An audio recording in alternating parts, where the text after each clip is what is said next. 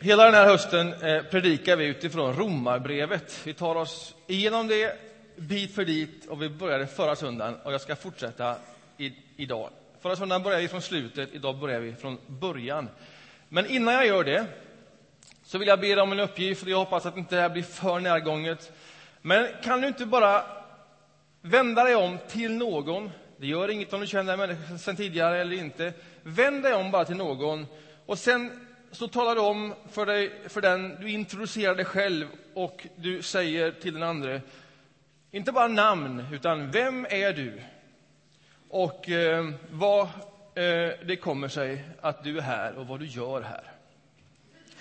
Och eh, du har en mening på dig, möjligen två om du inte ryms med allt i en mening.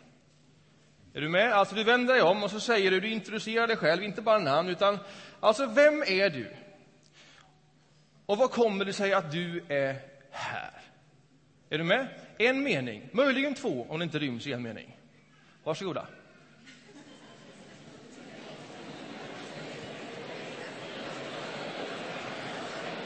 Det låter som om det här är mer än en, möjligen två meningar.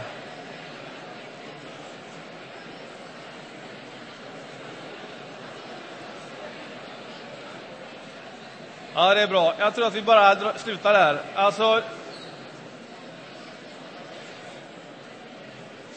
om det här är en mening eller möjligen två meningar så är det väldigt långa meningar.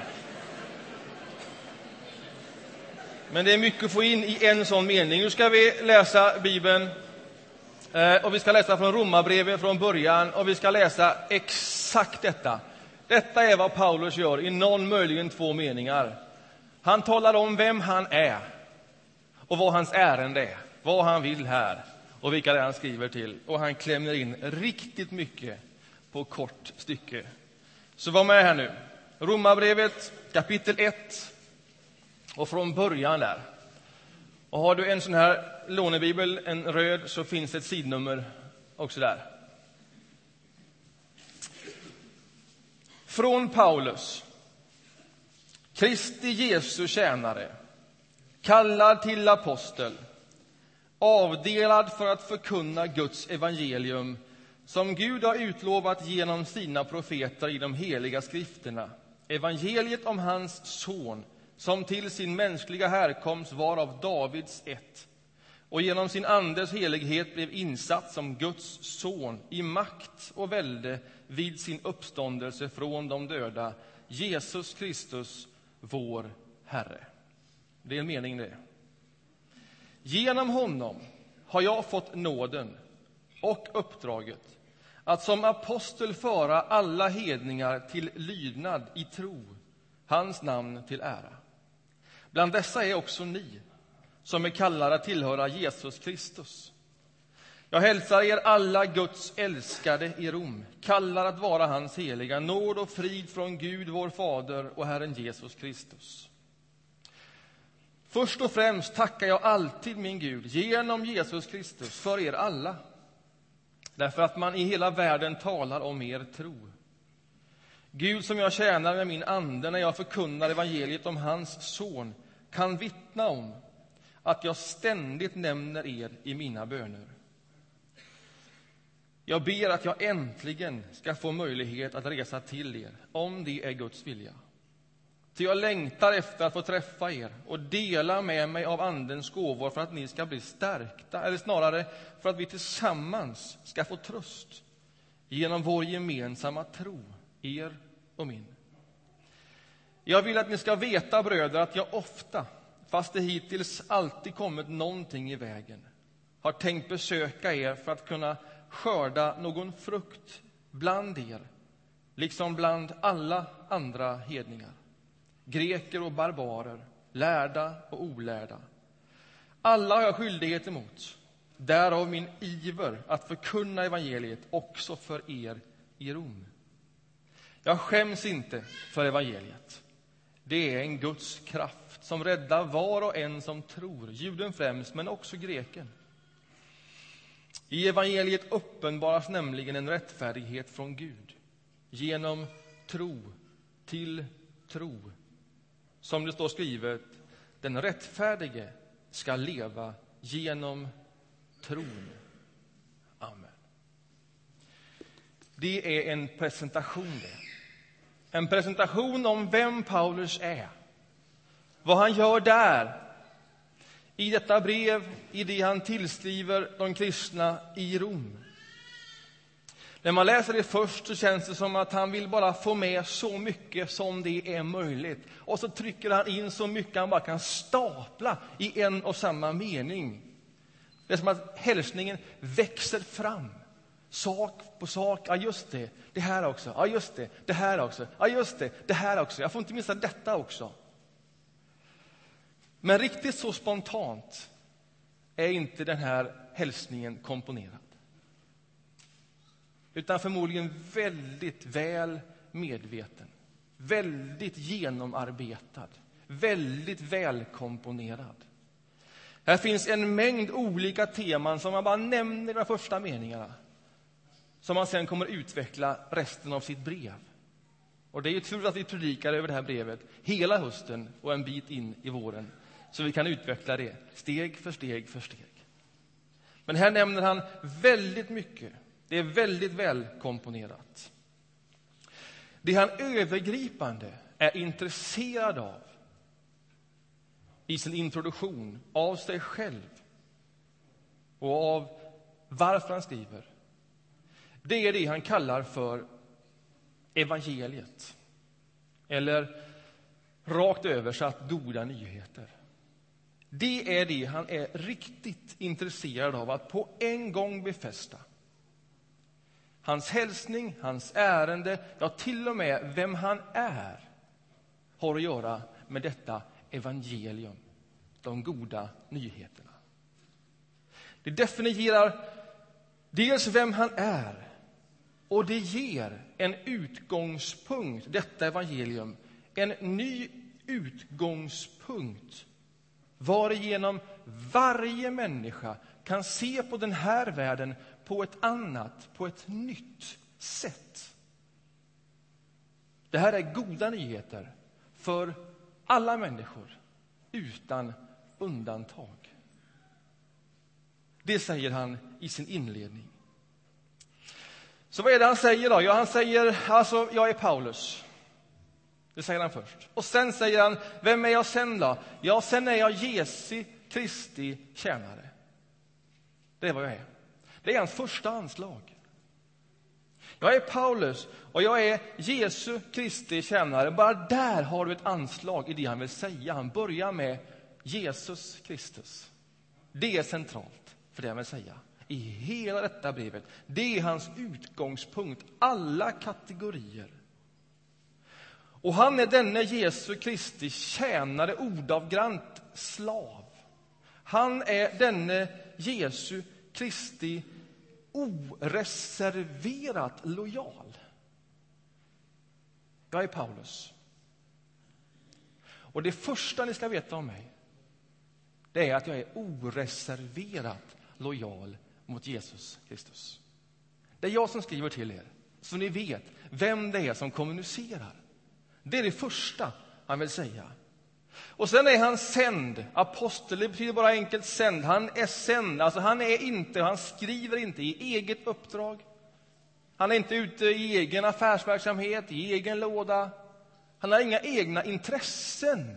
Så långt kan man dra detta. Utan han är oreserverat lojal. Och han är också sänd. Det vill säga, han hämtar sin auktoritet utanför sig själv.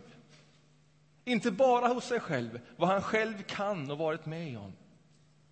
Han försöker grunda detta så djupt, så brett och så högt som det överhuvudtaget är möjligt. Och säga att mot detta ärende är jag oreserverat lojal. Det är min ambition. Det är som så jag kommer till er i min skrift. Och det jag kommer till er med det är Guds evangelium. Så säger han. Det är inte hans evangelium, det säger han på andra ställen, för det är också hans. Men här på en gång är det Guds evangelium. Och vad är detta evangelium? De goda nyheterna. den kanske mest grundläggande av alla frågor i kristen tro. Vad är Guds evangelium? Vad i detta är goda nyheter för alla människor, utan undantag? Om man läser hans första bara sju verser, vi håller oss där först, så säger han igenom detta, alltså Guds evangelium, det är att hela världen tillhör Jesus Kristus. Hans uppdrag är att föra alla människor i kontakt, ja, mer än så i kontakt, lydnad i tro till Jesus Kristus, Guds son. Hela världen tillhör Jesus Kristus. Hans uppdrag är inte bara att själv leva i en oreserverad lojalitet mot denne Jesus Kristus utan hjälpa andra människor, alla människor till samma sorts oreserverad lojalitet till Jesus Kristus, till lydnad i tro. Det här uttryck som återkommer ofta. Vad är lydnad i tro? Räcker det inte bara med tro? Nej, men han tycks vilja hålla ihop de här som en enhet. Alltså, tro är inte bara någon tanke, idé, någon övertygelse. Tro är ett helt nytt liv. Därför hör tro och lydnad ihop. Lydnaden får med hela kroppen, det man gör, det man säger, hur man agerar. Det finns en tro, någonting som bär en tillhörighet och denna tron skapar en ny utgångspunkt, ett nytt sätt att se på hela den här världen. Lydnad betyder att man agerar utifrån denna nya utgångspunkt, denna nya övertygelse i det vi säger, i det vi gör. I vilken mening är detta ett evangelium? Vad i hela världen är det som gör det här till ett evangelium? Att Jesus är Herre och att allt hör till honom. Det låter inte som ett evangelium. Det låter som en kraft vilken som. Ännu en av alla lojaliteter som kräver min lydnad. ska man veta att han presenterar det här i ett sammanhang. Liksom du gjorde när du vände dig om till en granne. Du sa vem du är och vad du gjorde här. Det är sagt, inte i ett vakuum, utan det påverkas av att ni sitter just i det här rummet. Att det var just ni två som möttes. Och, och det färgar naturligtvis din egen presentation. Vem skriver han till? Det påminner oss om det. Han skriver till de kristna i Rom. Där gick vi igenom förra söndagen när han radar upp namn, betydelsefulla namn, centrala namn i den tidiga kyrkan i Rom. Och man kan lista sig till av den uppräkningen där att av alla dessa namn så kanske det blir fem huskyrkor. De samlades i det hemmet, i det huset. Kanske var det fem huskyrkor, kanske var det runt 20 människor i varje sån gruppering. Det är inte orimligt, säger forskningen om hur det såg ut på den tiden. Kanske var de hundra människor, kristna människor, kanske färre, kanske fler, men förmodligen inte långt därifrån i Rom. Rom var den största staden i riket. Det var som Stockholm i antal människor, ungefär.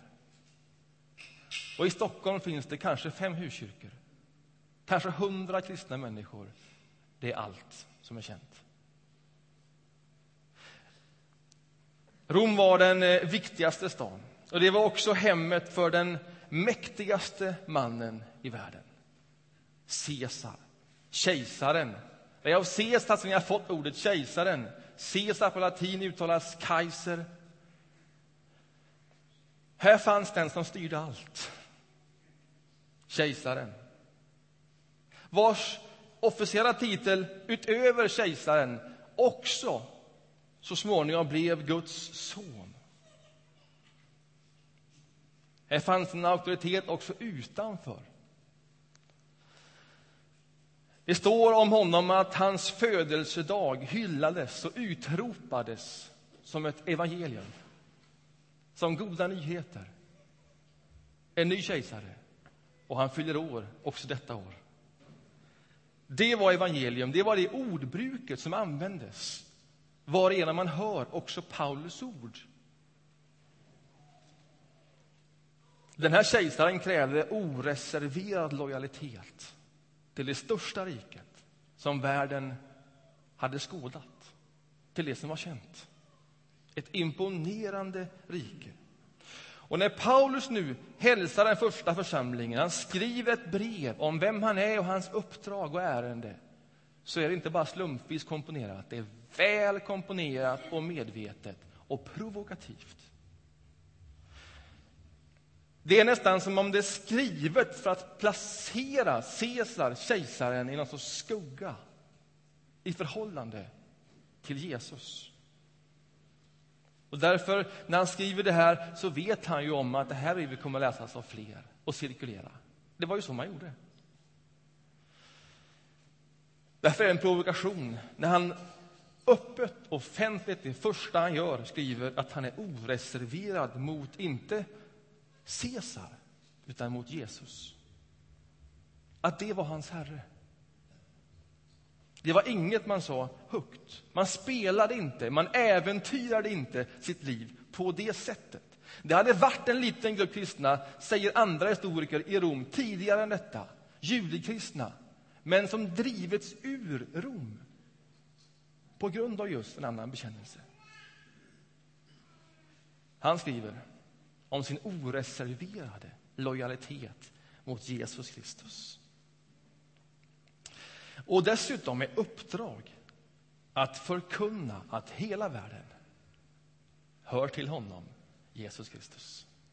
Inte Caesar.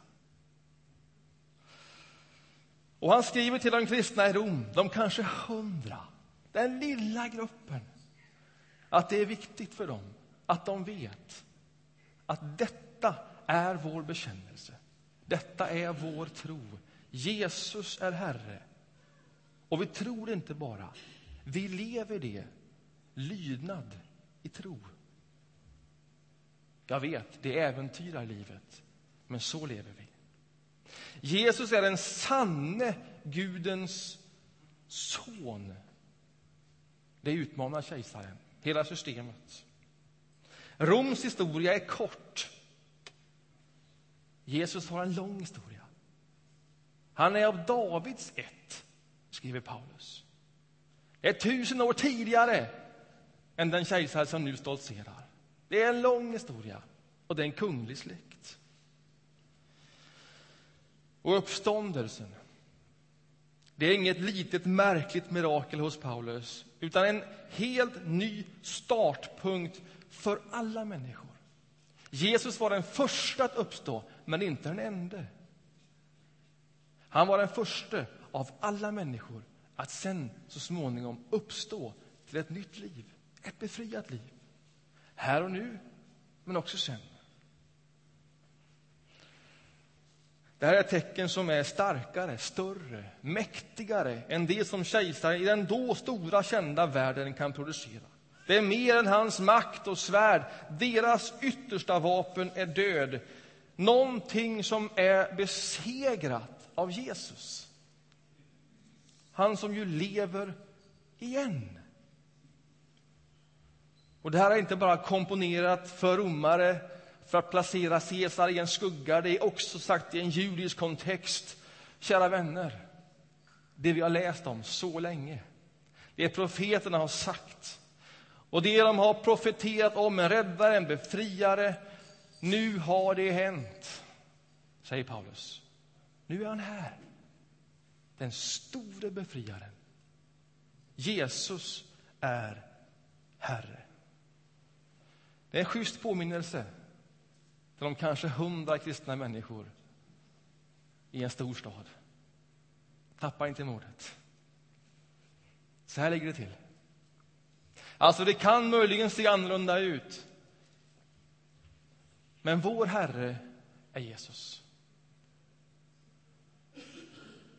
Det här är en historia som är längre än någon annan känd historia. Den är rotad hos Gud. Det här är Guds historia. Och det finns en kraft i detta evangelium som inte stannar vid död, som tar sig förbi det, besegrar det det är honom vi lyder i tro, inget annat. Så vad är då evangeliet? Vad är evangeliet som Paulus här nu försöker att liksom snabbt säga någonting om? Vad är evangeliet? Ja, evangeliet är inte först och främst vad som kan hända med oss. Det är en del av evangeliet. Att det har en förändrande, förvandlande kraft. Men det börjar inte här i det. Utan evangeliet, de goda nyheterna, det är någonting som redan har hänt. Och som gör den här världen till en annan plats. Som gör att man kan se på den här världen och se på den på ett nytt sätt. Med en helt ny utgångspunkt. Det är så omvälvande. Det är inte bara isolerat till vad som händer i varje enskild människa. Det är mycket större än så, detta evangelium. Det är vad Gud har gjort genom Jesus Kristus. Och därför är det någonting som gäller alla människor. Alla människor hör till Jesus. Och Paulus vill hjälpa alla människor till ett liv i hans efterföljelse, i lydnad, i tro. Ja, men vad är evangeliet då? Kom igen, Paulus. Vad är evangeliet? Ja, det tycks inte vara någon produkt som vi liksom gör reklam för här i kyrkan eller där i kyrkan och någonting som man kan köpa eller bruka beroende på humör och sinnesstämning och behov och så gör det någonting gott för en stund. Evangeliet hos Paulus tycks mer som en uppmaning från en auktoritet där du verkligen missar någonting om du inte följer. Det är så fundamentalt att det har med lydnad att göra. Inte bara känsla. När Caesars ambassadörer var omkring och förkunnade sitt budskap så var ju inte det Caesar är herre. Om du känner att du behöver en erfarenhet av det romerska riket så kanske ni ska följa honom. Om det finns en sån längtan. Och det är inte heller Paulus budskap. Paulus evangelium, eller Guds evangelium är till sitt innehåll ett helt annat evangelium än Caesars evangelium. Som förtrycker, som besegrar, som ockuperar och som i det kräver lydnad och oreserverad lojalitet. Paulus evangelium, Guds evangelium, det är ett budskap om en annan sorts om en annan sorts makt som liksom vänder upp och ner på det man hittills tänkt och förknippat till kraft och makt. En kärlekens makt och kraft. Och det är ett evangelium från världens enda Herre, Jesus, som är Herre.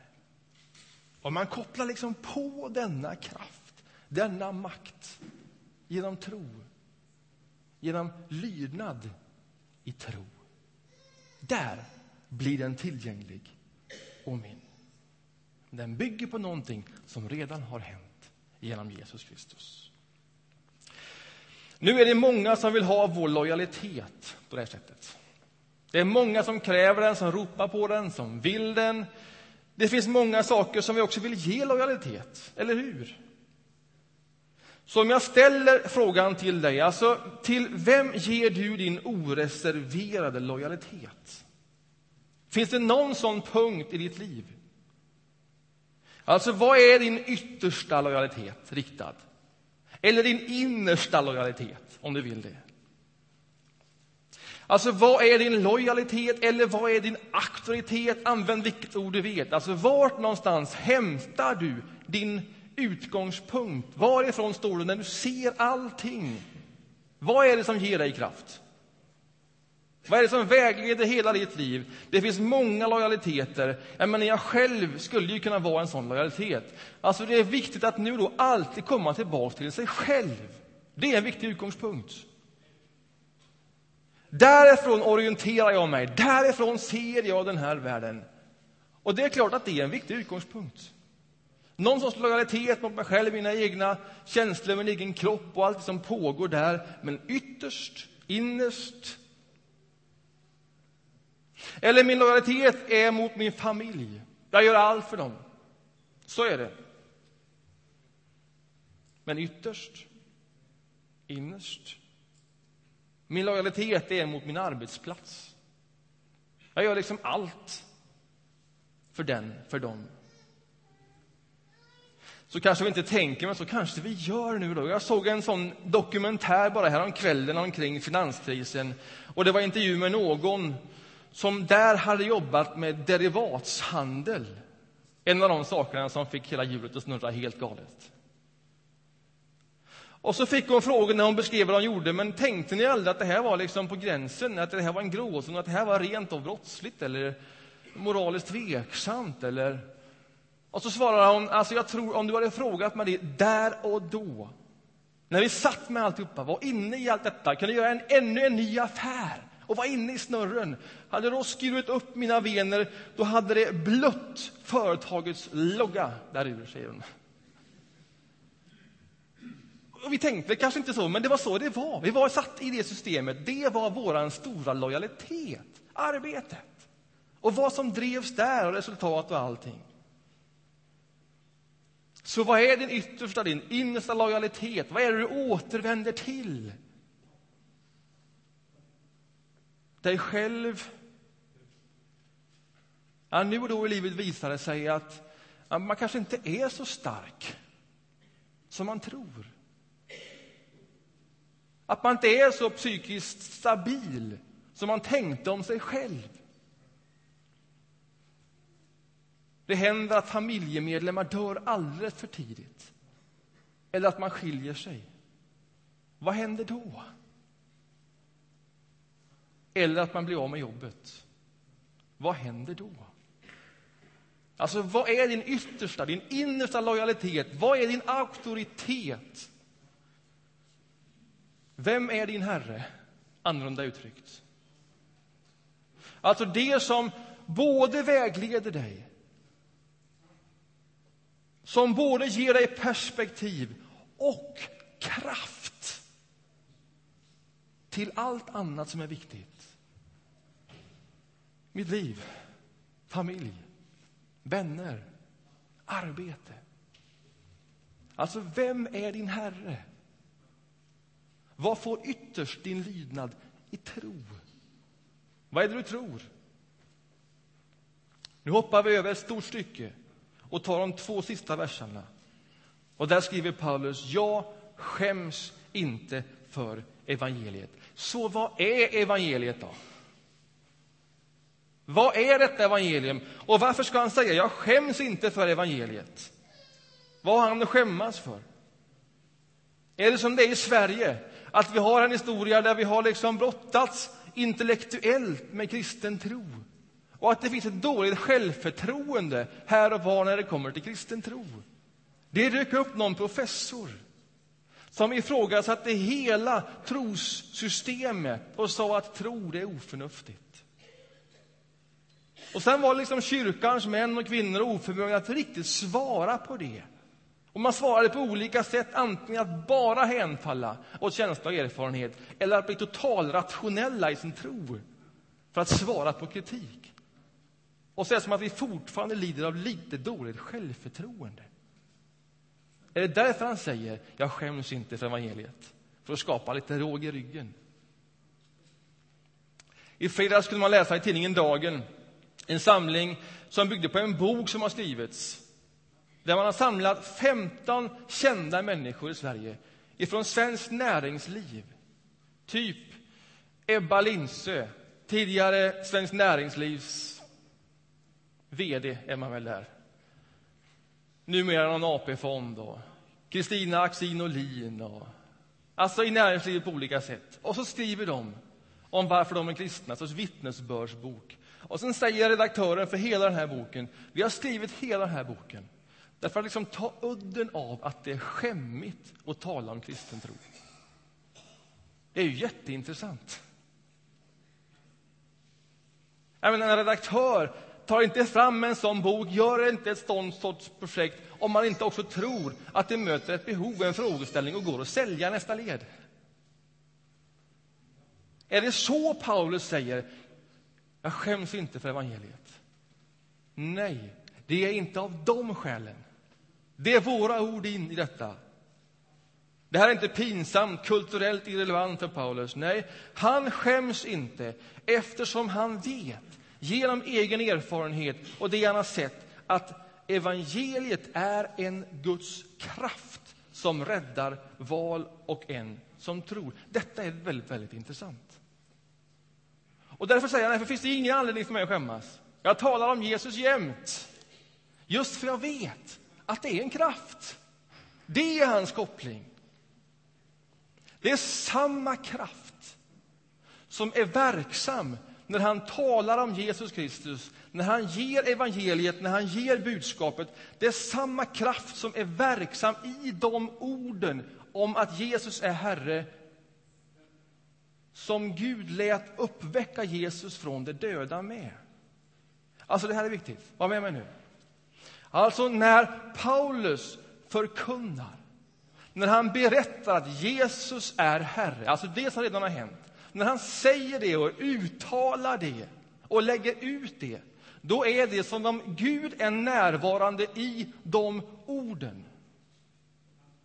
Så att de orden om Jesus gör någonting, en kraft som verkar i en människas liv som hör de orden. Så att när man hör de orden, så kanske smygande, ibland så plötsligt, så får man en ny övertygelse om att man kan se den här världen på ett annat sätt än vad man har gjort förut. Fullständigt mirakel. Att man kan ha en annan auktoritet, en annan lojalitet än allt det som ropar på vår lojalitet. Att man växer fram i en sån övertygelse att Jesus Kristus faktiskt kan vara Herre. Det är inget dåligt under. Det är ett under. Och det är någonting som växer fram. Detta är Guds kraft som är verksam i en människas liv. Alltså det är samma skaparkraft i orden om Jesus som i orden i skapelsens morgon, när Gud säger var det ljus. Och så blev det ljus. Det är samma skaparkraft när Paulus säger Jesus är Herre. Och så blir Jesus Herre i en människas liv. Han har sett det så många gånger. Han har varit med om det på så många olika sätt. Han har rest runt i den då kända världen, gett detta budskap, detta evangelium om Guds kraft och se att det verkar i en människas liv till en ny övertygelse och utgångspunkt. Att det inte är Caesar, att det inte är någonting annat. Att det faktiskt kan vara Jesus Kristus som är hela den här skapelsens utgångspunkt och mål. Och att man sen vill koppla sig till honom, följa honom i lydnad, i tro. Det är ju inte alltid det händer. Det är ju inte alltid det händer bara för att man säger Jesus är Herre, naturligtvis. Så är det inte heller för Paulus. Men det händer tillräckligt många gånger för att han ska kunna säga jag skäms inte för evangeliet. Jag ser hur det verkar i människors liv. Guds evangelium är en kraft. Guds kraft. Det är goda nyheter för alla människor. För alla människor. Och det här verkar från tro till tro, säger han. Alltså, det är inte magi, bara för att man säger Jesus är Herre.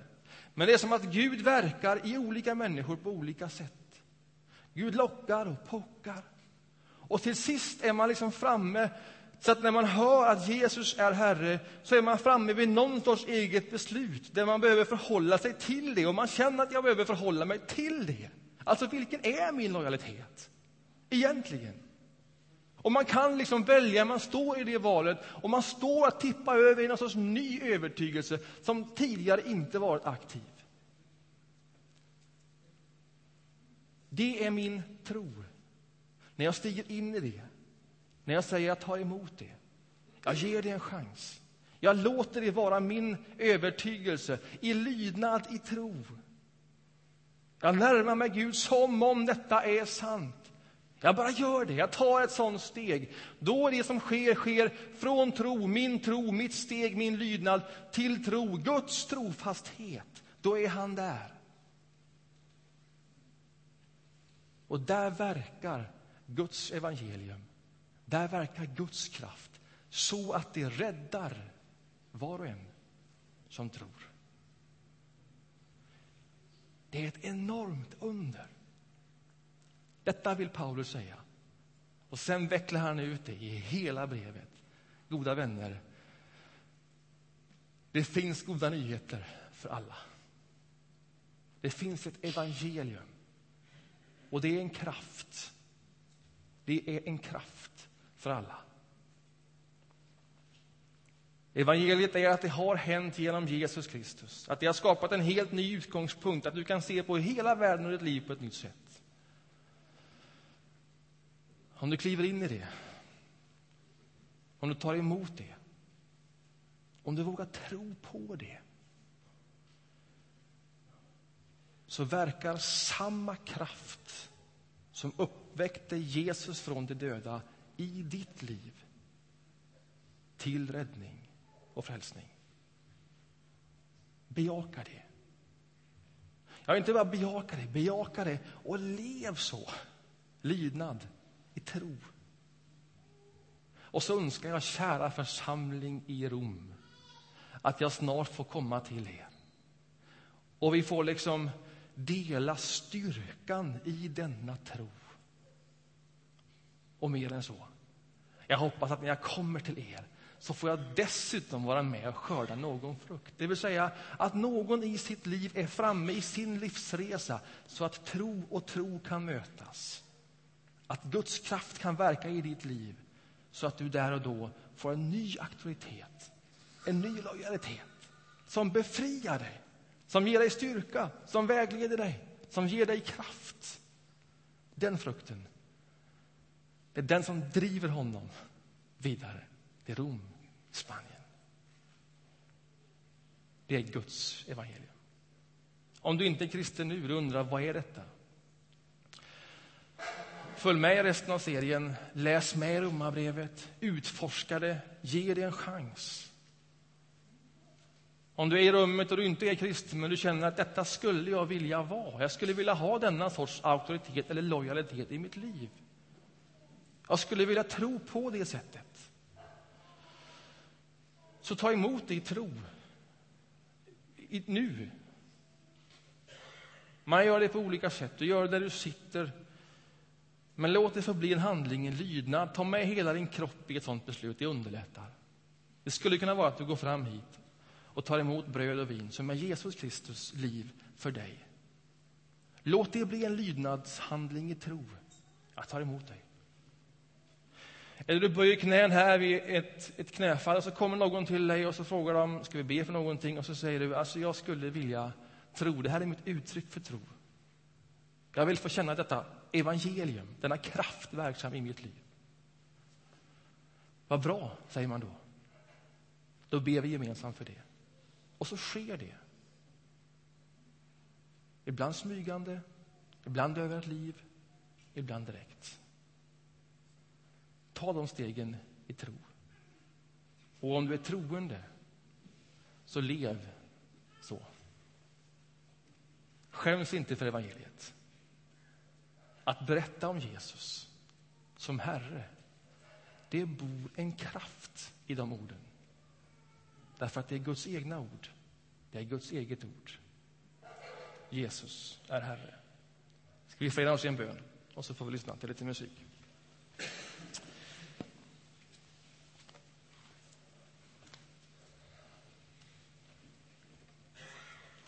Tack för de goda nyheterna, för evangeliet för alla människor. Väl medveten om att det inte för alla upplevs och hörs som goda nyheter. Men jag ber, du gode Gud, helig Ande, att du verkar i vårt liv. Så att vi genom tafatta försök att förklara det vi lever och erfarer, att det kan få bli verkligt för fler av oss. Hur denna kraft ser ut, tas emot och liksom lever sitt eget liv. Hur den leder oss, hur du leder oss och ger oss det vi behöver. Amen.